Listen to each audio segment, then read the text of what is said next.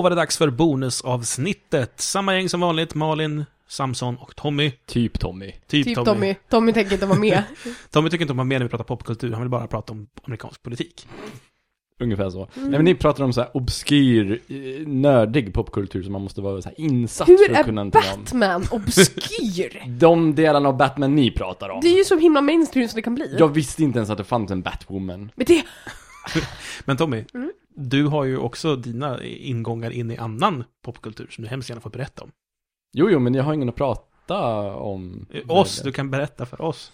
Jag ska försöka någon gång. Jättebra. Du har, läst, du, du har spenderat eh, en halv förmögenhet på serietidningar, Malin. det har jag. Ehm, jag skulle bara svänga förbi Comics Heaven på väg hem på lördagen. Och eh, kom därifrån en halv förmögenhet fattigare. Inte så himla dyrt ändå, för att det är inte dyrt där.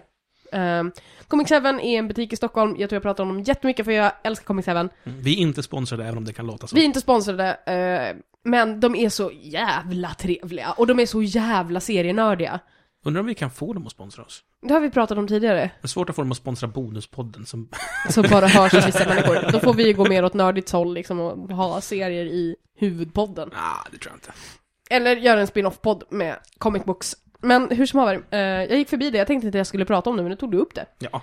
Eh, köpte volym 2 Batwoman och Batgirl, eh, som har kommit nu. Var, Eh. varpå Tommy frågade, va? Är det olika? Ja, Ja, ehm, jag visste bara om Batgirl, hade ingen aning om Batwoman. hade, vi, hade jag eh, vetat om att du skulle ta upp det här nu så hade jag ju dessutom kollat upp vad fasen Batwoman heter så jag inte sitter och säger fel. Vi kan kalla henne för Katie. Och jag vet att hon heter Katie, men jag kommer fasen inte ihåg vad hon heter mer i efternamn. Men, Vi, kan, vi kan kalla henne för Katie Couric. mm. Det- Heter hon det? Nej, Nej. Katie Couric är en Hon heter amerikansk inte ens TV... Katie heller, bara för det. Som ställer svåra frågor till Sarah Palin. Mm. Vad läser du för tidningar? Vad läser Sarah Palin på tidningen? Alla. Alla. Det var hennes svar. Mm, bra Everything. Ehm, ja, nej, jättebra. Ehm, jag har inte hunnit igenom Batwoman än, men jag läste Batgirl igår. Ehm, och New 52, Bat-universumet där, eh, shaping up. Och för er som undrar så, New 52 är New alltså... 52 är en reboot som eh, DC gjorde för att bevisa att de inte förstår sig på reboots. Ehm, jag tror att jag har pratat om det ganska många gånger tidigare, men det är en reboot av då hela DC-universumet. Och eh, det handlade ju om att man ska försöka, det som har setts i USA som en trend väldigt länge, det är främst i USA där de här comic booksen säljer även världen över, men det de ser som en trend är att allt mer människor går och ser de här filmerna, filmerna går upp på topplistor, alla fler känner till karaktären Batman, man går liksom och köper Blu-ray exklusiva versioner av det här, men ingen köper serietidningarna. Och det har ju att göra med att det är skitsvårt att komma in i en serietidning, för att, se, kom, för att sno Movie Bobs uttryck, comics are weird. Det är jättesvårt att komma in i, i ett pågående storyline i ett comic books-universum. Det går liksom inte bara att gå och köpa Batman. För all, allting refererar till någonting som hände för 15 nummer sedan i en annan tidning och så vidare. Och så I en vidare. annan tidning 1975 om man har otur. Ehm, så det här, Marvel, eller DC gjorde sin första riktiga reboot. Marvel gör ju de här rebooten ungefär en gång var femte år. Mm. Ehm, deras första stora, riktigt så här, helt universumomspännande var ju när de gjorde Ultimate. Ja, just det. Ultimate universumet med Ultimate X-Men som jag tror kom 2000, någonstans 2000-2005 där kring. 20 korv. Ja. Ah, jag tänkte hinna säga det. men Ja, du har förlåt. Ehm, Nej, det är din grej. Nästa gång ska Och när. Marvel rebootar, då rebootar de från början. Då börjar man med hur blir Peter Parker Spindelmannen? Hur eh, samlar Professor X ihop sina första X-Men? Och så går man därifrån liksom med eh, liksom vetskapen om det gamla universumet i ryggen men fortfarande med en helt ny story för att kunna komma vidare. DC rebootade Batman som Bruce Wayne, som inte hade dött, men som, hade brutit, som inte hade fått ryggen bruten av Wayne, eller Bane. Men som fortfarande hade tre Robins. Så original-Robin hade blivit Nightwing. Eh, nej, vänta, han dör väl original-Robin? Dick Grayson. Ja, dör inte han? Nu ställer du, sätter du mig på botten. Eh, Ja, jag vet faktiskt jag vet inte. inte. Men i alla fall så har det funnits tre, så att Nightwing är med, original-Robin, eh, ja skitsamma, Nightwing är med, en annan snubbe är med och Damien är den nya Robin som då är eh, Tala Hures. Talia Al Ghuls. Ja, Talia Al Ghuls. Nightwing? Nightwing är en en eh, inkarnation av Robin som jag tror är den andra versionen av Robin som är Dick Grayson som är den personen som är med i Dark Knight Rises. Jag tror jag kan vara lite så här. Jag tror jag har funnit min roll här nu. Jag kan vara så här the straight man som Precis. typ, Ja, från lyssnarens perspektiv som precis, kanske får inte är ställa insatt. frågor. Och Precis. Nightwing blir sin egen superhjälte när han slår sig fri från Batman och blir också en skurk under ett tag och sen kommer han tillbaka. Men hur ser Nightwing ut? För jag kanske har sett. Nightwing har en helt svart eh, dräkt med ett röd fågel på bröstet och röd... Eh, Och han slåss med batonger. mm, Röd... och Ah, röd okej. mask. Ja, då är Han, inte han, jag fin- tänkte. han finns med i eh, Arkham City. Vet jag. Mm. Finns Det visste han... jag måste spela mer Arkham City. Finns han med i någon tecknad serie? Mm, Oh, jo, ja. jo, i den som är, i den där... ehm, Där de har väldigt 90-talet, kantiga, eller? där de har väldigt kantiga axlar. Future Fast Batman. Ja, precis. Jag tror att Future Batmans uniform är väldigt lik Nightwing, så jag vet inte om Nightwing... För att Future Ah, Batman nej, är ja, ju en helt rätt, annan Batman. Du har rätt, det, det är den jag tänkte på. Men eh, den där John DiMaggio spelar Jokern, eh, tecknad. Mm. Eh, alltså inte Mark Hamills Joker. Nej, utan den Mm. lite mer... I den så har jag för mig, nu kan jag ha, jag är ute på hal is, det vet jag. Men jag har för mig att han börjar som Robin men slutar som Nightwing i den serien. Kanske. Han minns- åker på jättemycket stryk Mm. av, av eh, Jokern och Ja, Batman räddar honom I typ inte. ett varuhus eller något sånt där. Ja, en lager. Är det här Ja. den som gick på 90-talet, den gamla Batman-tecknade serien? Nej, det här är den som kom efter den. Jaha okej, ja men det, ja precis, och den är ju eh, den här nya svinkantiga tecknarstilen, alla Ja. är fyrkanter typ. Och det är jätte, jättemörkt. Alltså den är Ja. mycket ondare än den första kantiga tecknade Batman. För den första, den första kantiga tecknade Ba- Batman var väl Future Batman? Nej, det var bara Batman, Batman. Jaha, Batman, Batman. För den gamla Batman-serien är ju från Det här- 90-talet, den är ju fett angstig. Ja, men den här är ännu mer angstig. Mm. Alltså, den här är angstig och my- mycket, den är ondare, den är Ja. råare. Alltså du får se en utdragen scen på nästan 10 minuter av hur Jokern med en kofot misshandlar ner Robin så pass att han tappar hoppet. Och det, det är där han... det är där han det får ju the breaking point och blir Nightwing. Exakt. Mm. Mm. Är, det, är det inte den serien som eh, Jokern sitter på ett bord omgiven av någon skurks hantlangare och sen faktiskt dödar alla de runt omkring honom? Säkert. Mm. Den, den är mycket brutalare. Den, Alltså, de- den är inte alls för barn. Det, det är typ i stil med när Heath Ledger kör en penna genom huvudet på någon. Ungefär. Mm. Jag vet inte riktigt vad det var jag skulle prata om. Jo, DC hade rebootat då med det här i bagaget. Så DC är lite dåliga på det här med reboots. Och de har också rebootat då allting runt omkring. Och då fick Batgirl sin egen serie. Eh, hon har haft serier tidigare, men jag tror inte att hon hade en innan New 52, jag är inte säker. Och Batgirl är alltså Barbara Gordon. Barbara Gordon, som är då Commissioner Gordons dotter, hon är ett girl genius. Ehm, Jag har för mig att Commissioner vet inte om att det är hon. Till Nej. en början i alla fall. det vet, han vet inte om i Batgirl att det är hon som är Batwoman. Ehm, Batgirl. Ja, precis. Eh, Hon är inte, ja precis. Hon vet inte om i tidningen Batgirl att Barbara Gordon är Batgirl. Nej, Eller hon vet, men han vet inte. Han vet Fan. inte, tror jag. Ehm, men hur som haver så... ehm, och det här tidningen rebootas ju efter att Barbara Gordon har varit Batgirl en gång och varit sidekick åt ehm, Batman samtidigt som original-Robin då inte hade blivit Nightwing än. Och sen blev ju hon skjuten eh, av Jokern och blev Oracle Som och sitter, sitter jobbade rullstol. ihop med Birds of Prey. Som, Som- är som en Intel, annan typ. supergrupp, eh, superhjältegrupp bestående av bara kvinnor. Ehm, som... eh, Birds of Prey. exakt. och de är mer Intel än superhjältar Batman-style. De är detectives liksom. Och sen nu har hon gått igenom rehabilitering och har precis satt på sig kostymen igen och där kommer vi in som viewers. Och för er som är förankrade i tv-spelens värld så är det alltså Barbara Gordon är ju the Oracle som du pratar med genom komradion genom hela Arkham Asylum. Mm. Och jag vet inte riktigt varför ni ville att jag skulle ta upp det. Den är jättebra. För det är bra att förtydliga. Ja. Batwoman eh, däremot är ju en annan karaktär som heter Katie någonting någonting. Correct. Eh, Couric säger vi Heter hon inte, men vi säger det. Jag skulle behöva kolla upp vad hon heter. Och hon har ju inte haft sin egen tidning tidigare, hon har ju gått simultant i eh, Detective Comics. Detective Comics, som inte rebootades, förutom serierna i den, så serierna i Detective Comics är i det rebootade universumet, men de är fortfarande på nummer 115 till 131. Så att det är skitsvårt det här.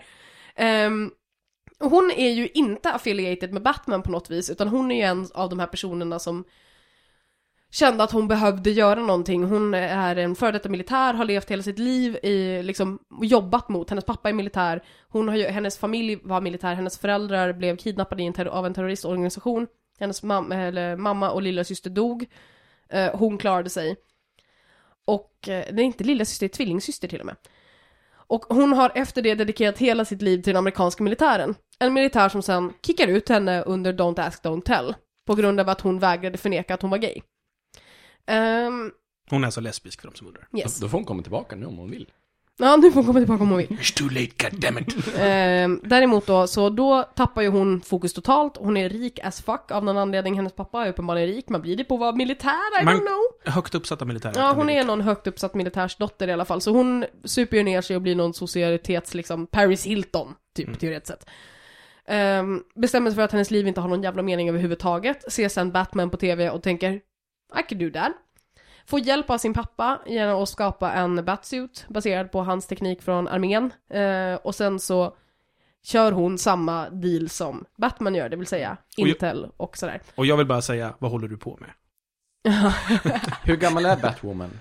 Batwoman är i late 20s. Hur gammal är Batgirl? Batgirl är i early 20s. Okej. Så det är typ någonstans kring 25 som man går från flicka till kvinna? Japp. Okej. Eh, jag tror också för att Batgirl-nicket var taget av en Batwoman, det är lite coolare. Det som gör Batwoman lite coolare är att hon är lite mer brutal än vad, ehm, Än vad Bruce är. än vad resten av Bat-familjen är. Hon har inte riktigt samma eh, moraliska standard. Hon är militär. Hon är, va- Hon- hon, är van att döda. Hon för- påminner mig mer om Punisher, tycker Mm. Hon är mycket mer rogue och hon är mycket mer att hon hamnar i konflikt med Batman över att hon inte gör saker och ting korrekt. Mhm. Eh, Medan Batgirl eh, är ju helt och hållet anamnat Batmans eh, stil. Skitsamma. Eh, nya versionen nu 52 är ute nu i alla fall. Var in... Det har massa tie-ins nu, så nu börjar det bli svårt igen. Det var en tie-in med Nightfall som uppenbarligen är någonting. De har börjat bygga upp ett jävligt nice Bat-universum här nu ändå. Och nu kom den första tie-in-serien som är Nightfall. ehm, som jag tror börjar hända i Batmans universum. Även Knights of Owls, eller Court of Owls, Mm. som är Batmans första novell, börjar gå igen i de andra. Och ehm, det är lite nice för att jag tycker att det är fint att de börjar få den här, de har ju, den här loren har de däremot börjat bygga upp själva. Så Nightfall är ju ingenting, jag vet inte om, jag har inte så bra koll på DC, jag vet inte om det har hänt tidigare. Men Nightfall är ju åtminstone någonting som känns nytt och jag som ny läsare kan liksom direkt komma in i Nightfall och samtidigt så kan jag också komma in i Court of Owls för de presenteras väldigt tydligt. Och det kan ju vara ganska clever för att jag menar, de flesta personerna känner ju till Batman.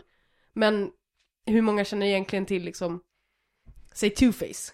Ja, det är nog de flesta, men The Oracle. Ja, men exempel. Oracle, men samtidigt liksom bara the bad guys är ju det som definierar Batman ganska ofta. Och det är bra att de gör den här grejen där de introducerar det, och sen nu, däremot så är jag besviken, för att nästa gång, i nästa eh, eh, Batgirl-album, då introduceras ju Death in the Family, heter det. Kommer det förmodligen heta. Det är första gången Jokern dyker upp i New 52. Men Death and the Family har ju ett album hetat förut, va? Som handlade Mm. om Robin. Indeed. Och det gick inte bra för Robin i det numret. Så Death in the Family kommer också bli en sån där grej som spänner över för att de börjar hinta Eller som åt menar det. de döv i familjen, att det är Mm. någon som blir med hörseln. De börjar hinta åt mycket grejer, det börjar hända mycket grejer samtidigt nu. Men de här numren, eh, specifikt Batgirl, eh, Court of Owls, om ni vill läsa, jag vet att Anders har tipsat om det tidigare och jag har tipsat om det också tror jag. Court of Owls är en jättebra ingång till Batman, fruktansvärt coolt gjord Batman. Mycket det här att man tar vara på hans, eh, att det är två jävligt olika personligheter, Batman och Bruce Wayne. Mm. Och att Bruce Wayne är mer ett persona än vad Batman är. Att Batman är liksom the real deal. Det blir, alltså, jag tycker det blir nästan tre personer. Mm. För du har ju dels Bruce Wayne, den publika personen, som är den här Playboy-karaktären. Och sen så har du Batman som är den här eh, jägaren i mörkret som är ute efter all ondska. Mm. Och sen så har du ju Bruce Wayne så som han är när han bara är. Med typ Alfred. Han, Ja. han spelar två roller liksom. Precis. Ja, eller tre då. Eller han är sig själv med Ja. Alfred och sen så har han en publik Bruce Wayne och en publik Batman. Mm. Och eh, Batwoman håller samman sin historia mycket lösare och hennes universum verkar vara väldigt frikopplat från resten av... Nu har jag inte läst tvåan som sagt, vi får se hur det går med den. Men de har introducerat, de har introducerat magi, det är jätteweird och det är så här. Det tror jag att jag också har tagit upp tidigare, att hennes känns mycket mer frikopplat från resten av Bat-familjen. Men nu i nya Batgirl så träffas de för första gången, Batwoman och Batgirl, och på, står på två olika sidor i en konflikt. Jaha. För två ol- olika organisationer som ingen har etablerat för mig. Så jag har ingen jävla aning om vad DEO är. Ehm, men, Det, det, det är väl sånt man har under armarna. ja precis. Ehm, Men alltså, det börjar bli rörigt nu. jag, jag tycker det det är här, det här är det ständigt återkommande med de här universumserierna, alltså DC och Marvel är väl det Mm. jag tänker på. Det är att ehm, när man vill liksom knyta in det och bygga den här liksom stora gemensamma låren som allting hänger med i. Och sen så när man gör det så har man liksom satt upp murar. Och så här, är du innanför murarna så har du det jättefint. Mm. Men är du utanför så är det jättesvårt att komma in. Sen kommer man på efter några år att så här, hörni, nu bryter vi murarna för nu ska alla få vara med. Mm. Och det enda man gör är att börja bygga en ny mur direkt. Det finns Ja. liksom aldrig någon tanke om att nu skiter vi i den här idén med muren. Fast jag gillar idén med muren, för jag tycker att man måste dra vissa gränser för vad som är möjligt inom universumet. Problemet som DC har, är ju att de har Superman. Han existerar i samma universum som Batman. Jo, fast det går ju, alltså, Superman har de ju gimpat ganska mycket i olika varianter. Mm. Eh, Jag har inte sett hur han är i nya. Jag har inte heller sett hur han är i nya, men det, grejen är att har du en snubbe som kan göra allt och är osårbar i ett universum så har du etablerat liksom vad som är möjligt ganska högt. Hur, hur har de gimpat Superman? Det har varit flera gånger där, där hans, alltså, där De man har ju är- downgradat hans krafter jävligt mycket så här. Ja, Det behövs. Mång, många varianter är, alltså hans ursprungliga kraft är ju bara att han kommer från en planet med mycket högre gravitation. Så att hans muskler är byggda på ett annat sätt. Han är ju inte eh, kolbaserad som vi är. Och det är det som gör, alltså det är den ursprungliga formen. Så att egentligen flyger han inte, han hoppar väldigt långt. För att hans benmuskler är gjorda för att hålla hans kropp uppe på en planet där man väger jättemånga gånger Är det här fler. original? Det här, Ja. det här är liksom långt tillbaka, första, första versionen. Jag har en fråga om Superman. Ja. Eh, hans planet, Krypton. Krypton. Varför är han svag mot bitar av den? Eh, Det låter jättedumt. att... det eh, finns olika förklaringar beroende på vilken version. Vad skulle du säga? Men det är väl också för att det tar ifrån honom den här kraften med att hans kraft är ju egentligen att han befinner sig på en planet där han inte är anpassad att vara. Ja. Och om de tar krypton mot honom så bör, blir ju han mer anpassad mot den biten av sin hemvärld än när han blir mot jorden. Det finns olika förklaringar. vänster. En, en förklaring är ju att när den är i närheten av någon, för att eh, kryptonit är extremt tungt, Är det? egentligen. Enligt ursprungslåren. Och det gör då att kryptoniten, dragningskraften från den påverkar hans liksom, DNA så pass att han blir människosvag. Egentligen, så var det originalet. Okej. Men sen så har de gjort varianter av det att det egentligen rör sig om att det finns en viss strålning på krypton. Och när man är, när man är från och krypton och är där, så lever man för att man har en uppbyggd resistans. Men eftersom Batman har varit borta från krypton, Superman. förlåt, eftersom Clark Kent, Ja. Eller eh, Kal-El heter han va? Ja. Eh, Eftersom Kal-El inte har varit på krypton sedan han var spädbarn så har han inte byggt upp resistansen, vilket gör att då strålningen påverkar honom jättekraftigt.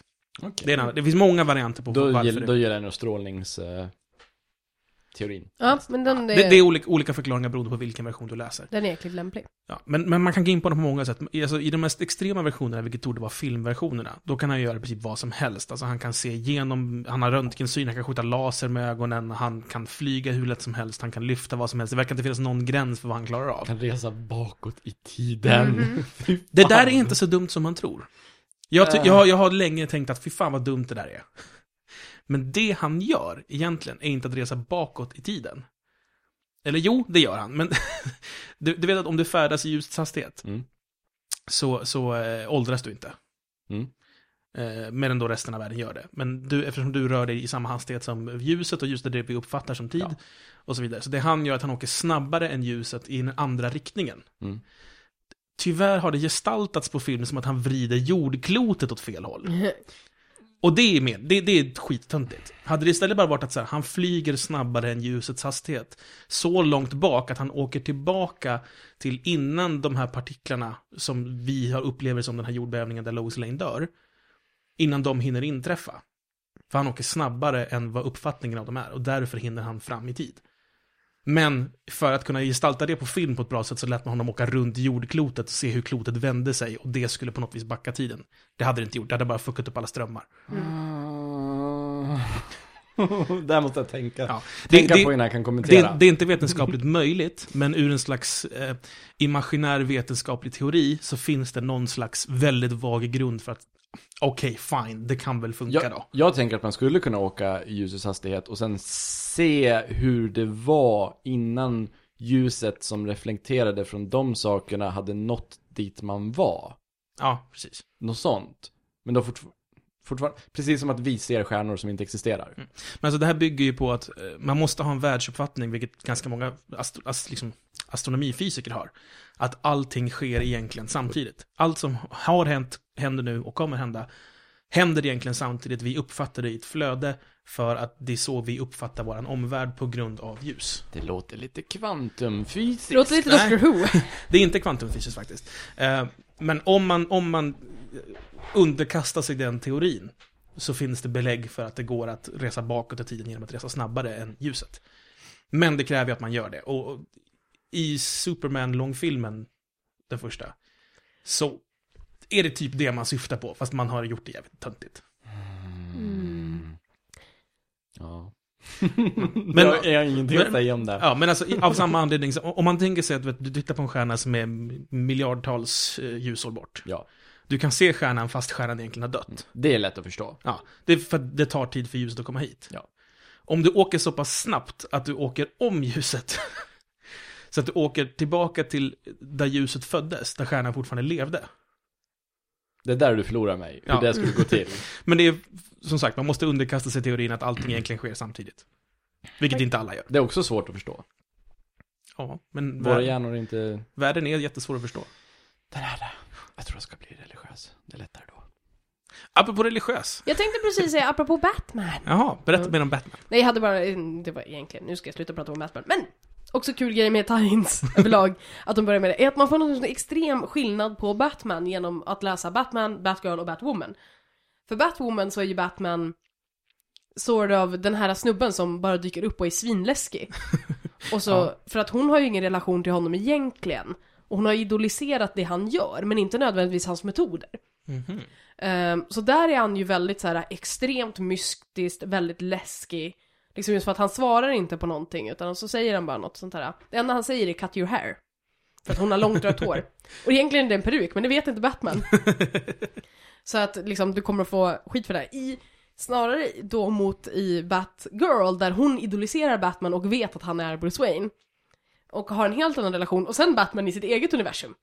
Coolt. Nu är jag klar med det. Du har också sett eh, den tecknade långfilmen. Ja, holy crap. Det finns en tecknad långfilm av, eh, som är tecknad i den här kantiga typ av eh, Future Batman-grejen. Baserad på Frank Millers The Dark Knight Rises. Frank Millers The Dark Knight Rises som jag har pratat om tidigare på grund av att den är... Dark Knight Returns, Det är Rises. så man skiljer dem åt. Ja, är det Dark Knight Returns heter den kanske? Ja, Ja. Det, det makes more sense. Som är allting som The Dark Knight Rises borde ha varit.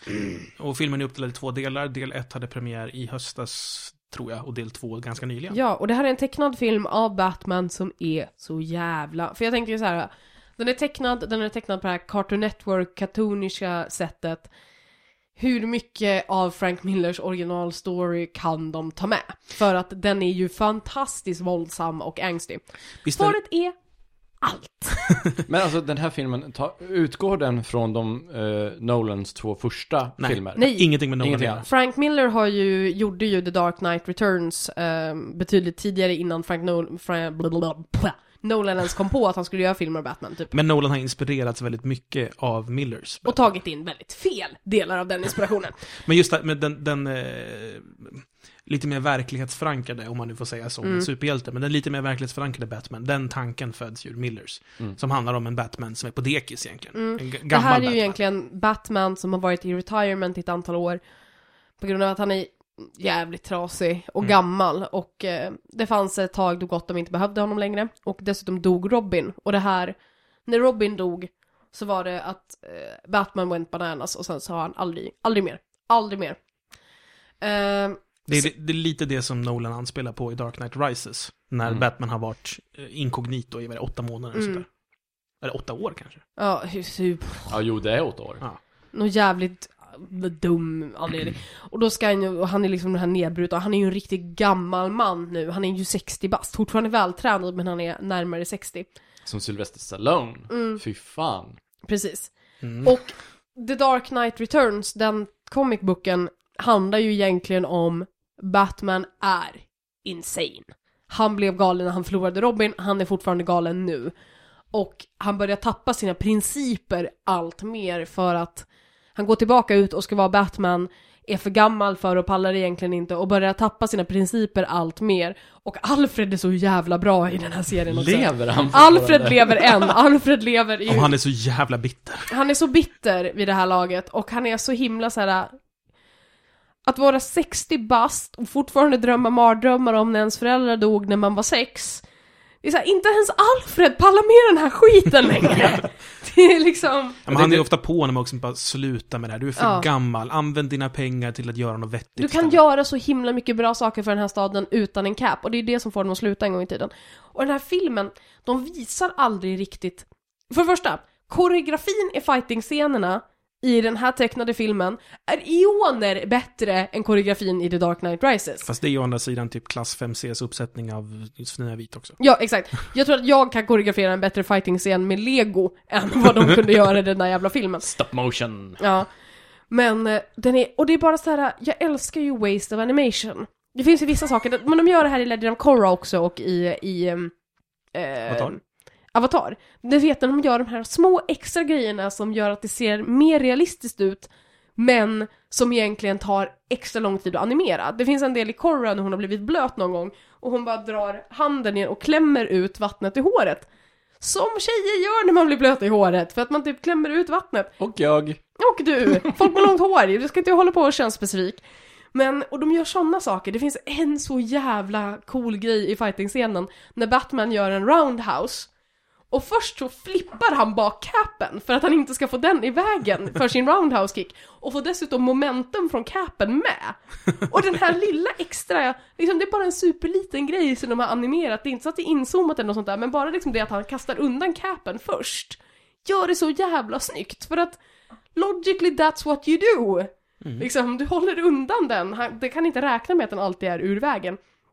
Och de har gjort så jävla mycket snygga val liksom på... Millers handlar ju om att han träffar en ny Robin. Eh, och att Gotham håller på att gå under i en kriminell våg. Och första eh, handlar om The Mutant, som är den här nya, eh, ganska Bane-inspirerade rörelsen. Eh, inte inspirerad av Bane, för att Bane i det egentliga Batman-universumet är typ en droppe i havet av superskurkar.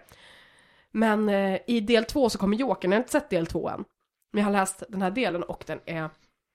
Åh, det är så bra! Och de har gjort den så jävla lik ehm, Frank Miller. De har tagit samma bildruta de har tagit karaktärsdesignen direkt från Millers universum. Och alla de här grejerna som jag tänkte att det här kommer inte göra en tecknad film. För de kommer aldrig få ge ut den. De visar ju aldrig själva dödandet så eller våldet på så här riktigt nära håll, men det är jävligt implied att saker och ting händer här som är sjukt otrevligt. Så är det, är det Batman, alltså du säger att han har förlorat sin, så här, sin etiska kod liksom.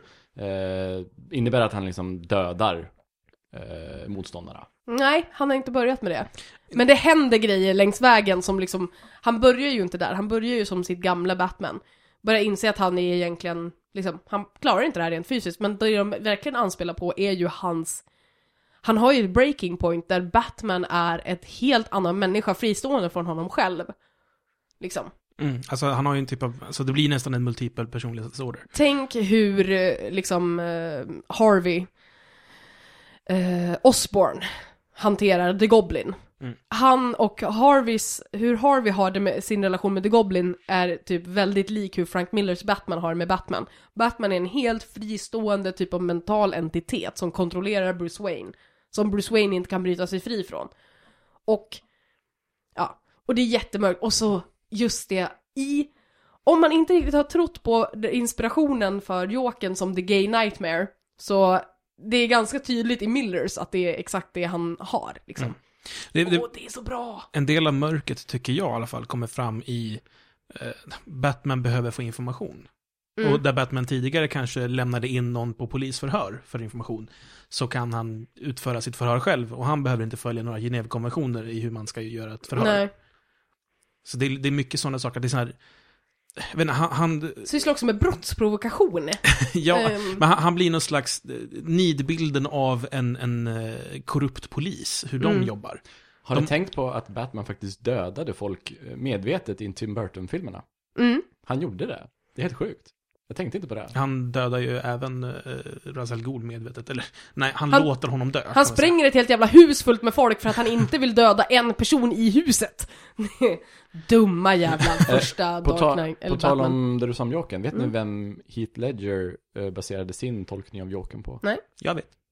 Tom Waits. Mm. Tom Waits, Det syns mm. jättetydligt om man har sett Tom Waits någon Jag gång. har inte Ja, det är Tom Waits. tidiga intervjuer. Ko- Kolla på intervju med Tom Waits. Eh, jag tror att Christian Hedlund, Mm. som gör en ganska bra Joker, han har en sån här jämförelsevideo på sin blogg. Mm. Där man får se en väldigt tydlig intervju när han sitter på ett australiensiskt talkshow-program. Mm. Är det då när han sitter med hatten och sitter och Ja, röker? sitter och röker, typ. Men Han pratar ju väldigt, han har ju den här rösten som också Jokern fick när Hitler gjorde. Det är väldigt tydligt att det är, den, det, är det Mm. maneret han har lånat. Det är jättefascinerande att Mm. kolla på. Annat sånt. Eh, har du har sett Sleepy Hollow? Nja, Jag har sett Sleepy Hollow. Huvudlösa ryttaren. Jättemånga gånger. länge sedan. Ja. Ja. Du, du har sett den Jag har också. sett den jättemånga gånger. Johnny Depps karaktär. Mm. Jag Eh, älskar den. det är en blandning av Judi Dench och Michael Jackson. Har ni tänkt på det? Det kan jag se. Så här. Det känns som att Johnny Depp har Michael Jackson i ganska mycket av Mm. sina roller. Det är mycket Michael Jackson i hans eh, eh, Willy Wonka. Det är det. Ja. Mm. Ja, specifikt i den. På många har jag sett. Visste ni förresten att den, den Willy Wonkan en gång i tiden skulle spelats av Marilyn Manson? Åh! Han skulle nog göra en bra Willy Wonka tror jag. Det skulle jag vilja säga. Jag undrar hur han är som skådis. Jag har sett honom i två filmer, han har ganska små roller i och för sig. Mm. Tre filmer har jag sett honom i. På tal om små roller. Ja. Om ni vill se en film med Tom Waits, se inte... Seven Eh, Psychopaths. Nej. Jaha, Han, han, det ska jag säga idag. han, jag tänkte, oh, Tom Waits. Yes, jag gillar honom i... Eh, Coffee and Cigarettes. ja, den också. Men... Wrist Cutters. ah, den han... Där är han Ja, skitbra. den ja! Den, han gör den filmen. Wristcutters är en skitläcker film. Ja, eh, så jag tänkte, Har du sett shit, Wristcutters? shit vad kul att se honom i Seven Psychopaths med alla de här urbra skådisarna som jag verkligen gillar. Så är han med typ i två eller tre, nej två scener tror Han är jag. musiker, han är inte gjord för att spela. Men han kan ju. Eh, Malin Wristcutters, jag måste berätta för Malin om Wristcutters. Det är en film som handlar, den utspelar sig i någon slags limbo, där alla som har begått självmord lever. Okej. Ja. Och eh, för att kunna ta sig därifrån så måste man typ göra rätt med sitt, sin bakgrund. Typ. Mm.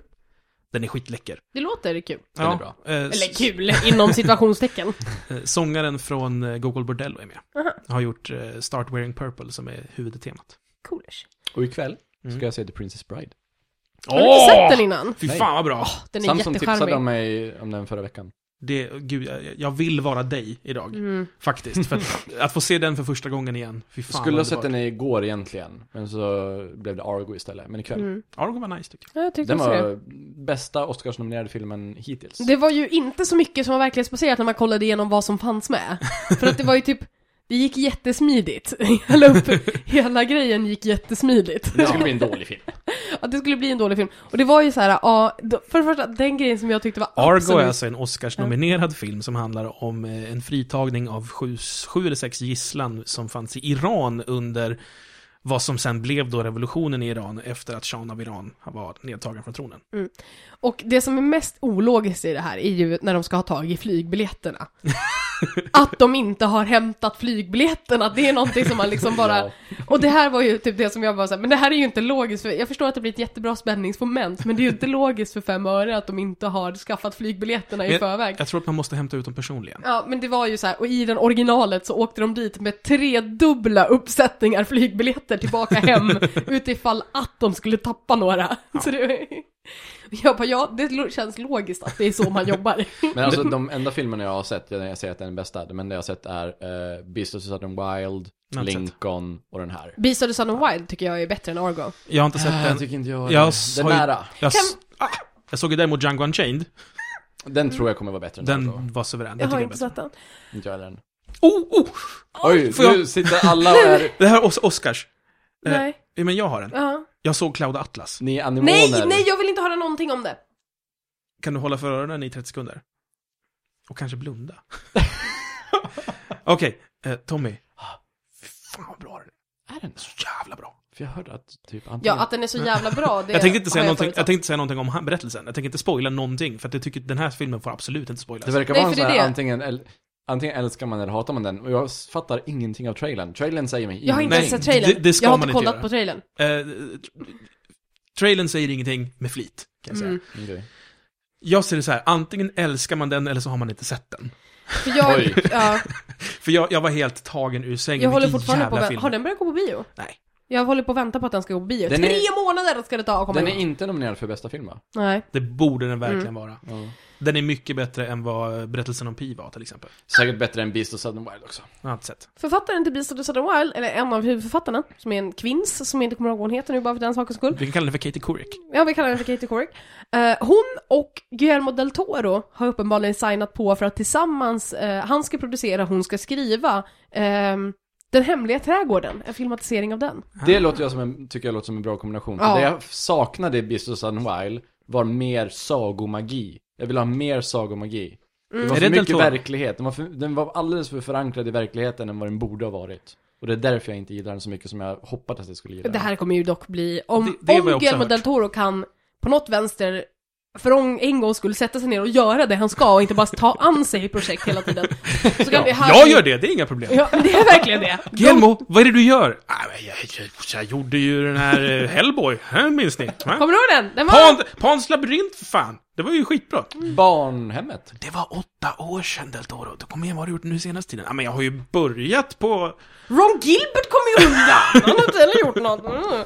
Men det här, ja, det känns som ett så jävla dream team och jag älskade ju, ehm, det enda som jag tycker är konstigt här med, jag älskade ju eh, Den hemliga trädgården när jag växte upp.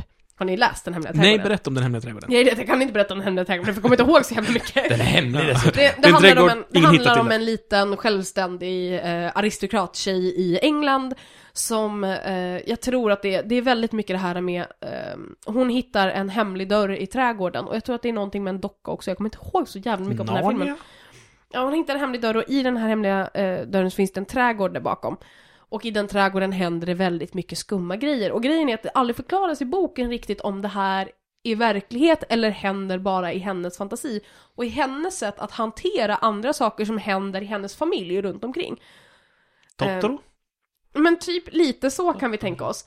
Eh, Totoro skulle kunna, men det hemliga trädgården är lite mörkare och den är läskig liksom. För barn så är den läskig. Alice i Underlandet? Ja men mycket åt det här hållet Jag bara liksom. sitter och försöker dra lite. Nej men Totoro är nog den närmsta liknelsen just med händer det här på riktigt eller händer det bara för henne? Och det här känns ju väldigt Pans labyrint och det känns väldigt det, Beast of the labyrint. Wild. Ehm, det enda som är att de har flyttat den här engelska det kommer inte att utspela sig i England, det kommer att utspela sig i amerikanska södern på 60-talet. Mhm. Så, och det är mycket så här, okej, för att mycket handlar ju ändå om hennes relation med tjänstefolket i sitt, i sitt hus. Så det Liksom. blir typ samma berättelse fast folk svettas Exakt, och det folk säger här nu då att du kan ju inte ha, nej det var 1920 till och med. 1900, tidigt 1900-tal. Oj, strax före depressionen. Strax före det och innan folk hade rättigheter, alltså innan de svarta hade rättigheter, så de sa om den här filmen borde ju våga ta upp klassfrågor i sådana fall. För det finns ingen chans att det kan vara någon liten aristokratficka som bor i södern i början av 1900-talet som inte har svarta servers. Ja, För att det var vad de hade. precis. Det, är ju- det, var, det var ju kutin. Mm, exakt, så då hoppas de på att det kommer vara det, men det kommer bli så jävla coolt om det blir. Då vill vi prata om tortyr. Jag säga- och ville. Batmans röst i den här film, eh, Dark Knight eh, Returns. Så jävla bra. Vet du vem det är? Nej? Minns du Drew Carey show? Ja? Nej! Förstör inte för mig! Nej, säg inte att det är den mörkhåriga. Det är den mörkhåriga Drew Carey show som är Åh, Batman. det förstörde för nej. mig. Nej men han, alltså, han- visst han var en, en glättig sitcom-skådis då. Jag- Men han har ju mycket med, jag, har Jag- lyssnade på en intervju med honom nämligen. Där han pratade om hur han förberedde sig för att vara Batman. Hur han kände, fy fan vad svårt det är. För vad hette han som gjorde Batman innan, som är i spelen också? Ingen aning. Ja, Inte han, som, han som är känd som den tecknade Batman från Mm. den 90-talsserien. Eh, den här killen, Drew Carey Show-killen, han Mm. älskar honom så himla mycket och kände att fy fan vad svårt det här är, jag ska vara Batman, hur fan gick det här till? Och verkligen la ner så mycket tanke och energi i hur han skulle göra det, så att det var hans, men det ändå var troget en, så som man tycker Bruce Wayne ska låta. Och det är ju väldigt så här, för han har ju Alltså en så djup röst. Ja, ja, att om du kastar en sten i hans röst så skulle du typ knappt höra när du skulle få vänta jättelänge innan den slog i botten. Det är så himla djupt. Det känns ju lite bättre när man tänker på att han var med i Office Space. Mm. Ja, eh, men du, får- du får också tänka att, alltså, Jag vill inte komiskt- behöva tänka på det här mer. Nej men alltså, man kan tänka så här, Michael Keaton var känd som en komisk skådespelare och gjorde en fantastisk Batman i Tim Burtons Batman. Ja. Så det här är också en komisk skådespelare som gör en fantastisk Batman. Men det enda, de flesta skådespelare är väldigt bra. Det enda som är, Gord, Commissioner Gordon. De har verkligen inte valt en röst som ens liknar hur han låter. Så han låter som, han låter som Mailchep. Typ generisk eh, action dude röst. Och man bara, nej, Gordon, det här är inte du. Nu är jag klar om Batman. Du ville prata om tortyr. Ja, eh, sig i att jag drömde en mardröm i natt. Vad trevligt. Berätta mer medan jag sörplar mitt kaffe. Ja, eh, I min mard... I min mardröm så hände massor med saker. Jag var, jag var bland annat magiker i någon värld som påminde om Nino Kunis värld. Gud, vad Det var jä- roligt. var jättefint. Men vid ett tillfälle så blev jag förvandlad till en kvinna. Nej, vad hemskt! Nej men alltså, det, jag reagerade inte på, jag bara plötsligt, det, det var en kvinna som fanns Du i... reagerade inte på du bara boobs, boobs, boobs, boobs. Nej men det var inte så det var, utan eh, jag var magiker, jag skulle göra någonting, det var en kvinna som var i vägen för mig och då eh, blev hon tagen av polisen för jag var the good guy. Eh, och då blev hon satt i någon slags cell och skulle bli torterad och plötsligt så var jag kvinnan. Du vet hur drömmar bara byter ämne och man märker Ja. inte. Plötsligt, jag tänkte inte på att jag var kvinna men jag kom på efteråt, just det. Boobs! Ja, i alla fall. Ja, nej, jag reagerade inte på mina boos. Men det som hände med mig var att jag sattes i en liten cell som, den var alltså jätte- jätteliten, som en telefonkiosk ungefär. Ja. Det var galler på alla sidor utom en där det var en stenmur. Och jag var i en mjölnarsäck som är så här långsmal. Så, man, så länge man står upp så står man bra. Men du kan inte sätta dig ner för säcken är för trång. Eh, och det var ändå ljust så att det var inte mörkt där inne. Och det är så här väv som ljuset skiner igenom i. Eh, och där stod jag, jag hade armarna uppåt så här. Jag kunde inte ha dem nere vid sidan, utan armarna uppåt. Och eh, genom gallerna på höger och vänster sida så började det forsa in vatten. Och den känslan av att stå inuti en trång väv, alltså det blev aldrig så pass mycket att vattnet kom över så att jag inte kunde andas. Eller att jag behövde simma ens en gång. Men bara att stå i en väv där jag inte kan ta mig ur. Och det kommer kallt vatten på mig, det var så jävla obehagligt. Usch, kallt också. Ja men alltså, jag har aldrig provat på waterboarding, men jag har hört att det ska vara djävulusiskt vidrigt. Mm. Ja. Christopher Hitchens, eh, God Rest His Soul, provar ju på det eh, i journalistiskt syfte. Och man håller ju, om man håller ut mer än 10 sekunder, då är man jävligt hård. Ja. Waterboarding, för de som inte vet det, alltså när man ligger med huvudet neråt och benen uppåt. Eh, och så, så får man ett tyg över ansiktet och så häller de vatten på tyget. Och det känns som att man drunknar. Ja, man får panik jävligt fort. Ja. Eh, och det är förbjudet enligt Genèvekonventionen, men i USA så gör det i alla fall. Ja. för det är inte tortyr, för det är enhanced interrogation. Exakt, vilket man kommer undan med ganska mycket på. Det är som ungefär som att stå uppe i en bur hela dagarna, det är lite lik Guantanamo. Ja. Sen att de eh, åtalade kineser för att kineser gjorde så här mot amerikaner eh, och då kallar de det tortyr, det är en annan sak. Nu är Ja, det inte tortyr. Det är inte tortyr om man gör det på någon som har skägg. Sen är frågan, hade det här fått fortsätta om McCain hade blivit president? För han har ju blivit utsatt för tortyr. Nej, han är emot tortyr. Han är stenhårt emot tortyr. Men Obama är inte det. Obama är stenhårt emot tortyr. Men varför tillåter han det då? Därför att han inte Nu Obama- gör de inte det Nej. längre. Men det, det sker ju fortfarande. Ja, men behöver inte göra det bara för att det är tillåtet. Ja, det är så. Alltså Guantanamo är ju fortfarande öppet, men de ska inte hålla på med det längre. Nej, men å andra sidan så är också... eh, Däremot skickar de folk till andra länder och låter dem tortera dem ibland. Ah, just det. det, Det, gjorde, gjorde, det gjorde Bush Outsourcing, också. ja. Ja, de outsourcar tortyren och det kanske de fortfarande gör. det gjorde väl vi också när vi skickade hem de här eh, Egyptierna. egyptierna Ja. från... Ja. Fast det var ju inte att vi inte lämnade ut dem till USA, det var ju bara att vi skickade dem till Egypten och så tittade vi åt ett annat håll ett litet tag. Heja Sverige. I alla fall, jag satt och tänkte på tortyr och så började jag fundera på, utöver det här som jag drömde då, vad finns det mer för riktigt udda tortyrmetoder? Alltså, det behöver inte vara riktiga, men om ni skulle uppfinna tortyrmetoder, vad skulle ni köra? Det finns ju en som är Loki utsätts för Mhm. i gamla sägner. Som också är väldigt likt det de gör i, eller har gjort i Kina. Och det var ju att de droppar vatten i hans panna, en Mm. droppe. Ja, just det. Kinesisk vattentortyr. Ja, Som, bara det som att- faktiskt inte har använts i Kina, det bara heter så Mm. för att det är myten kring det. Exakt, och det här händer ju Loki då när han blir fastspänd på en stentavla. Och så får han vatten droppat i det, men det är bara grejen att det är inte alltid vatten, ibland är det syra, men det vet man inte förrän det är träffat. Ah. Ja, det finns ju massa, massa så här psykologisk tortyr som folk jobbar med. Jag, jag, fick lära, jag fick höra om det här när jag gick biologi eller fysik i högstadiet, så sanningshalten kanske inte är helt suverän i det här. Mm. Men min eh, fysiklärare berättade om att man hade i, i tortyrsammanhang upptäckt hur mycket hjärnan påverkar reaktionen. Mm. Då hade man då haft människor som var liksom bakbundna och hade, eh, vad heter det, blindfolds. Mm. Och så hade man sagt åt dem att om du inte pratar så, ska vi, så trycker vi det här glödande järnet mot dig. Mm. Och det man hade gjort var att man tryckte isbitar Mm. på personen istället. Alltså helt vanliga urfrysen isbitar.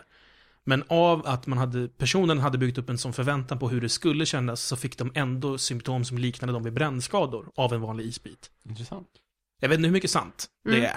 Men, men det är... Mm, det, fin- det finns nog gränser för placebo, men Mm. jag säger inte att det skulle vara omöjligt. Typ att folk dör av skenavrättningar. Och gud, skenavrättning, vilken jävla vidrig grej. Ja. Gjorde de i Argo.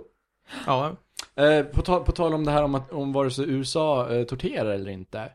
Eh, jag ska inte säga att de inte gör det, för det är en liten definitionsfråga det där. Mm. Eh, Bradley Manning har de ju strippat av naken i ett kallt rum eh, och inte låter honom sova.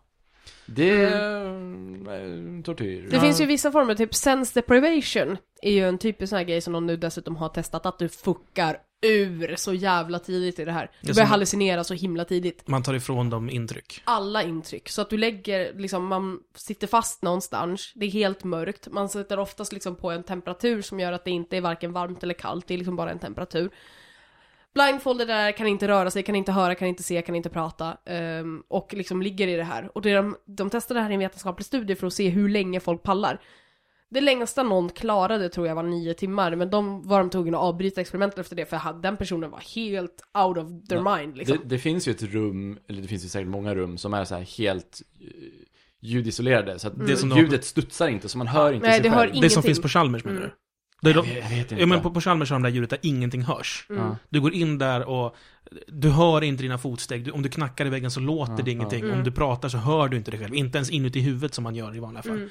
Det. Så, så det, det är Ja. många som, som har varit i sådana rum och sagt att det är jävligt obehagligt. Ja, för att grejen är att om hjärnan inte har någonting att sysselsätta sig med och du in, tar ifrån dem alla intryck på så vis, även i kontrollerade former liksom när du inte redan är rädd för att du sitter fast någonstans, utan om, i kontrollerade former när du själv har ställt upp och går med på det här experimentet. Mm.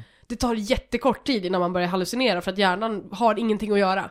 Nej. Och du kan bara sova so much liksom. Det, det är väl som att drömma helt enkelt. Mm. Hjärnan sätter igång i samma lägen. Men det är också det här för att du har ingen uppfattning om tid. Du vet inte alls hur lång tid det har gått, du tappar all uppfattning om precis allting.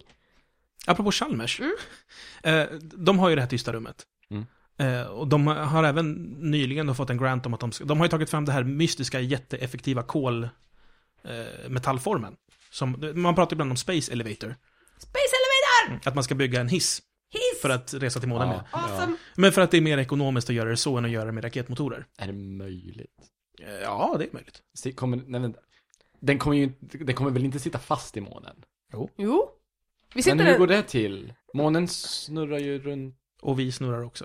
Men äh, är det i samma hastighet då? Nej, men alltså det är väl en sån vajer som kan töjas upp. Alltså det- den går aldrig... Vi går aldrig om månen. Nej. Utan den, den håller sig liksom... Ska man säga? Alltså, månens, månens rotation och jordens rotation är ju inte synkade med varandra. ja, de är ju så pass att vi alltid ser samma sida av månen. Ja men det går Mm. man kan ju Om man har en byggning mellan. Jag tror att folk har räknat på det här. Vi kan sätta en slang i månen. Men grejen var att man har tagit fram ett material eh, som man har gjort på Chalmers. Eller jag vet inte om man har tagit fram det, men man ska i alla fall forska mer kring det på Chalmers. Det är vi som har fått det grantet. Det är ganska stort faktiskt. Mm. Eh, det är alltså ett superhållbart eh, eh, metall som de ska göra en vajer av. Och det är lite kul att det är Göteborg och vajern. Mm. Eh, men, men den här vajern är alltså väldigt eh, extremt hållbar. Eh, den är starkare än någonting annat. Det är typ något superduper metal, eller metal alloy i den. Eh, och den ska då räcka för att när, när vi är som längst avstånd från månen till när vi är som kortast, den klarar det, den trycket av att spännas ut och så dras ihop igen. Ah, Ja, du kan vara hur skeptisk du vill. Ja, det låter farligt också. Hur som helst i alla fall. Det farliga är ju någonting fastnar i där. Nu kommer vi exempelvis ha en asteroid som kommer på fredag och passerar på 2700 meters avstånd från jorden. Så det är mellan oss och månen och mellan oss och majoriteten av alla våra satelliter.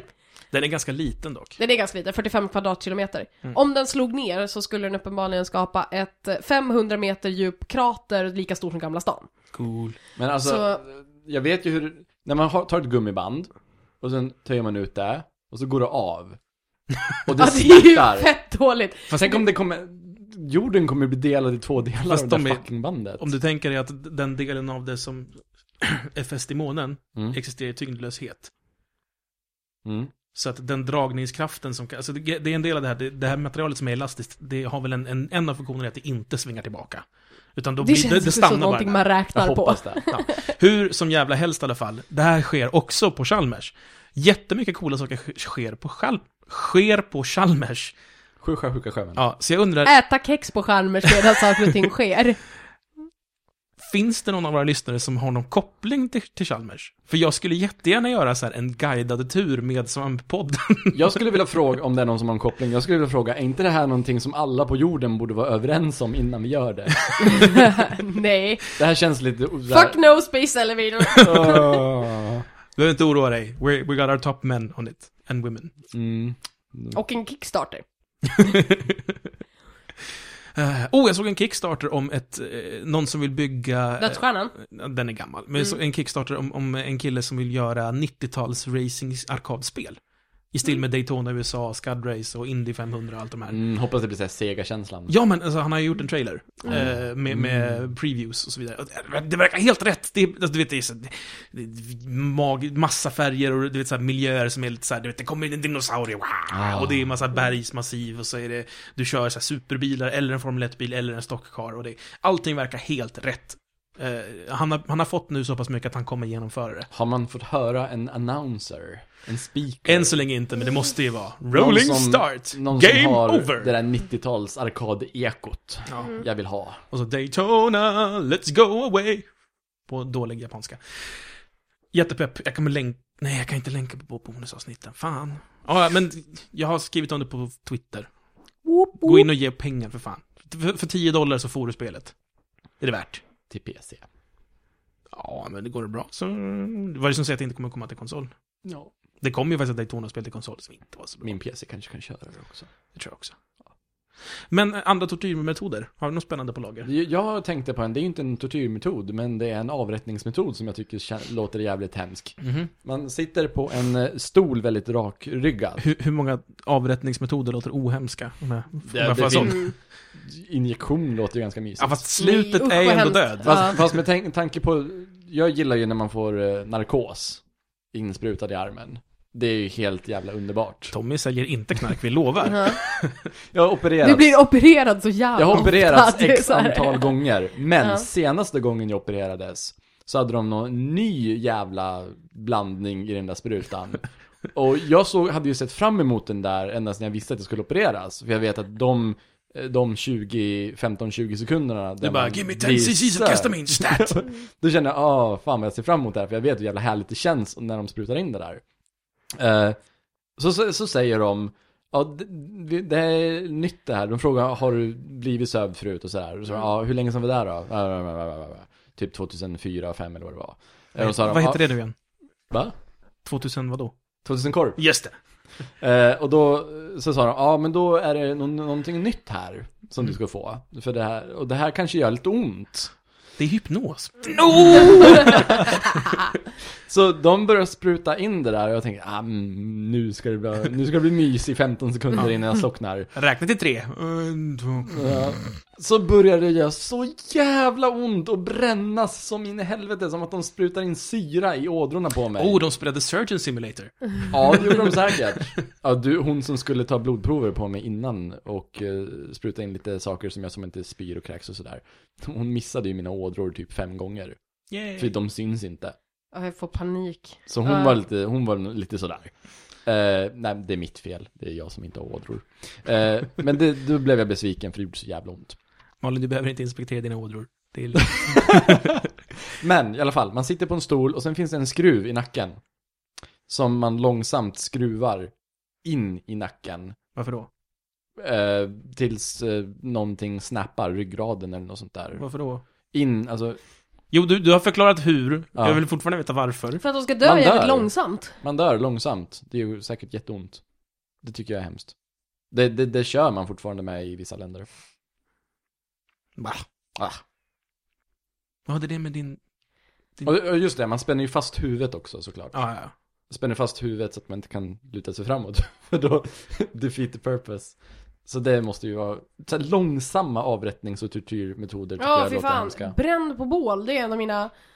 Om de häller någonting på dig så att du dessutom brinner upp så att du inte Mm. dör av röken först. Det, gör, det undrar Det gör då. ju folk också jävligt mycket fortfarande, jävla ociviliserade jävla Men hur, idiot hur snabbt dör man av det? Jag undrar, hur snabbt Inte tar det... jättefort. Men hur snabbt tar det innan nerverna bränner sönder om man inte känner någonting? Men det är fortfarande... Kan det hända? Problemet med det här tycker jag är, tänk väntan. När de fortfarande liksom, du ska Ja. upp på det där, jag tänker det är det Ja, man lär fastspänning och ju kissa och bajsa på sig och kräkas av Ja, rädsla och allt Det det tar här. så jävla lång tid liksom. Och sen ska du dessutom eldas upp, vilket är något av det värsta jag kan tänka mig. Ja, först, först du där och så bara, ja det brinner lite här, det tar ett Mm. tag. Så bara, oh nu börjar det brännas lite på vaderna och så blir det Mm. värre och värre och värre. Mm. Förhoppningsvis så dövar adrenalin lite grann. Om man har tur. Nej, för fan vad Det hemskt. kan, adrenalin kan ju också uppa Nu känslan. börjar jag få panik! Levande Nu- begravd. Ja, levande begravd, för fan vad hemskt. tack för idag, jävla bonuspoddjävel. Orkar inte. Var det för det var äckligt? Batman. Ja, det här tycker jag var jätteobehagligt. Okej, men om vi kör motsatsen då. Motsatsen till tortyr, någon slags gullemys. Vad är, vad är den bästa gullemysen du kan få? Jag vet inte, allting är hemskt nu. Tänk att du ligger i ett jättemysigt soffkuddrum och in kommer en hord av katter du inte är allergisk mot som bara myser och gnuggar sig mot Jag är dig. inte allergisk mot katter. Ja, men det visste inte jag heller. En massa gulliga katter som bara åh, Ja, men det är fint. det kanske är sött. Ja, in, in kommer en jättesnäll tam känguru med en skål med glass. Men, eh, Och sen börjar en av katterna långsamt skruva in skruven. Nej! In kommer en sköldpadda på en skateboard med solglasögon och säger Yo man! Det verkar bara läskigt. Då är man ju uppenbarligen drogad. Presidentens dotter är kidnappad, du är. Let's roll! Ah, med det så tycker jag vi avslutar veckans bonuspodd. Puss och kram allihop och tack för att ni har lyssnat. Doesn't matter if you want it back, you've given it away.